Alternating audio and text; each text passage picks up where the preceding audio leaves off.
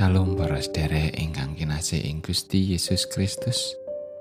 Pepanggihan malih wonten ing Sabdo Winedar, renungan patintenan basa Jawi. Sesarengan kita badhe ngekilut sabdanipun Gusti sadaringipun sumangga kita ndedonga. Duh Gusti Allah Rama kawula kasuwarken. Sedaya puji syukur kunjuk dumateng Paduka Duh Gusti. Awit sedaya berkah pangrimat Paduka ing gesang kawula.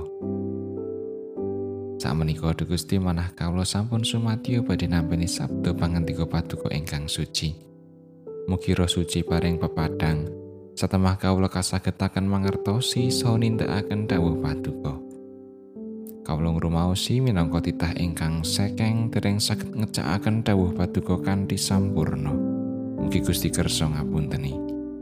Wonten ing asmanipun Gusti Yesus Kristus kawula ndedonga. Amin. Waosan kapendet saking Wahyu bab 3 ayatipun pitu dumugi telulas.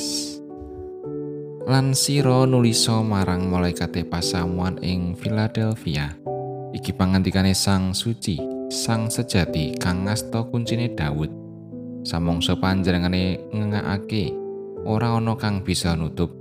Samongso panjenengane nutup ora ana kang bisa ngengakake. Ingsun mudaneni saking panggawenira. Sira wis senengani lawang kang ora bisa kainepake dening wong. Ingsun mirsa menawa kakuwatanira ora sepira, nanging sira netepi pangandikan ingsun sarta ora nyelaki asmaning sun. Ruhanira, wong sawetara panunggalaning paguyuban iblis, yaiku kang padha ngaku aku Yahudi, mongko sejatine dudu nanging goro, iku bakal sun pasrahake marang sira. Sanyatane wong iku bakal suntekake supaya padha sumungkem ana ing ngarepe sikilira sarta padha ngakoni yen ingsun ngasihi sira. Sarene sira wis netepi marang pangantikan ingsun supaya kelawan sabar mantep nganti-anti marang ingsun. Mulane ingsun iya bakal ngreksa sira ing dina pacoban kang bakal nekani ing sajagat kabeh kanggo dadar wong kang padha manggon ing bumi ingsun bakal tumrojok rawuh. Apa kang sira duweni iku kukuhana, supaya aja ana wong kang ngepek makutanira. Sing sapa unggul iku bakal sun dadekake saka guru ana ing padaleman suci ning ala ingsun, lan ora bakal metu maneh saka kono. Karo dene bakal sun tulisi asmane ala ingsun. Araning kutaning ala ingsun, yaiku Yerusalem anyar, kang tumurun saka ing swarga saka ala ingsun. Sarta asmaning sun kang anyar. Sopo kang duwe kuping ngrungokno apa kang dadi pangandikane Sang Roh marang pasamuan-pasamuan. Makaten pangandikanipun Gusti ayat na saking ayat 8. Sira wusun wengani lawang kang ora bisa kainepake dening wong. Ingsun pirsa menawa kekuatanira ora sepira, nanging sira netepi pangandikaning sun sarta ora nyelaki asmaning sun. Ing pasamuan asring kepirang tiang ingkang nampik timbalaning lelati. Upaminipun kacalonaken dados bini sepuh utawi diaken. Wonten kemawon alasanipun. Kula mboten gadah kapinteran, mboten saged menapa-menapa.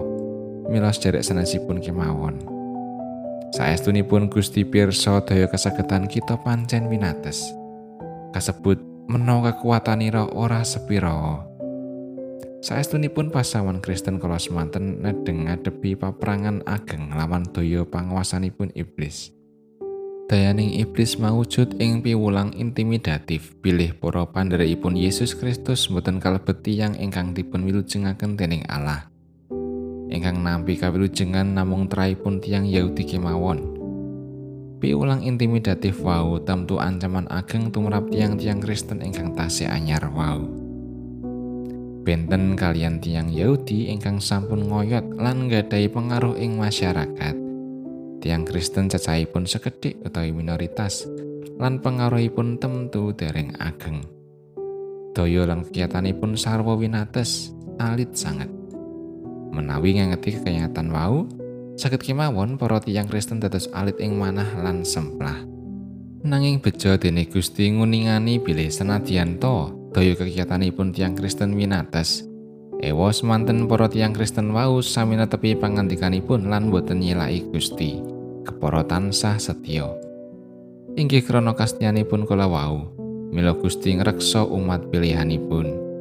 Gusti ingkang ngasta soroking kori karahayon, kersa mbikak korining karahayon.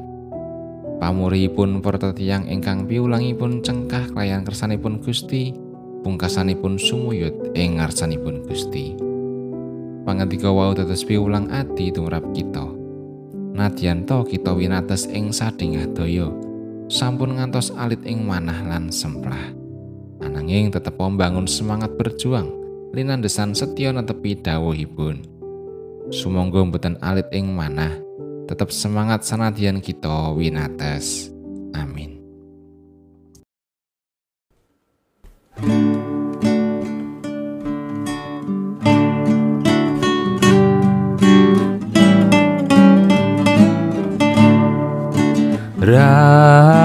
Kang utama lagune ngambadalaning perintahe pangeran. Rayu kang netepi dawuhe wong kang manut ing sapangre Gusti sarta tansah telaten netepi sakarsane klawane klasing ati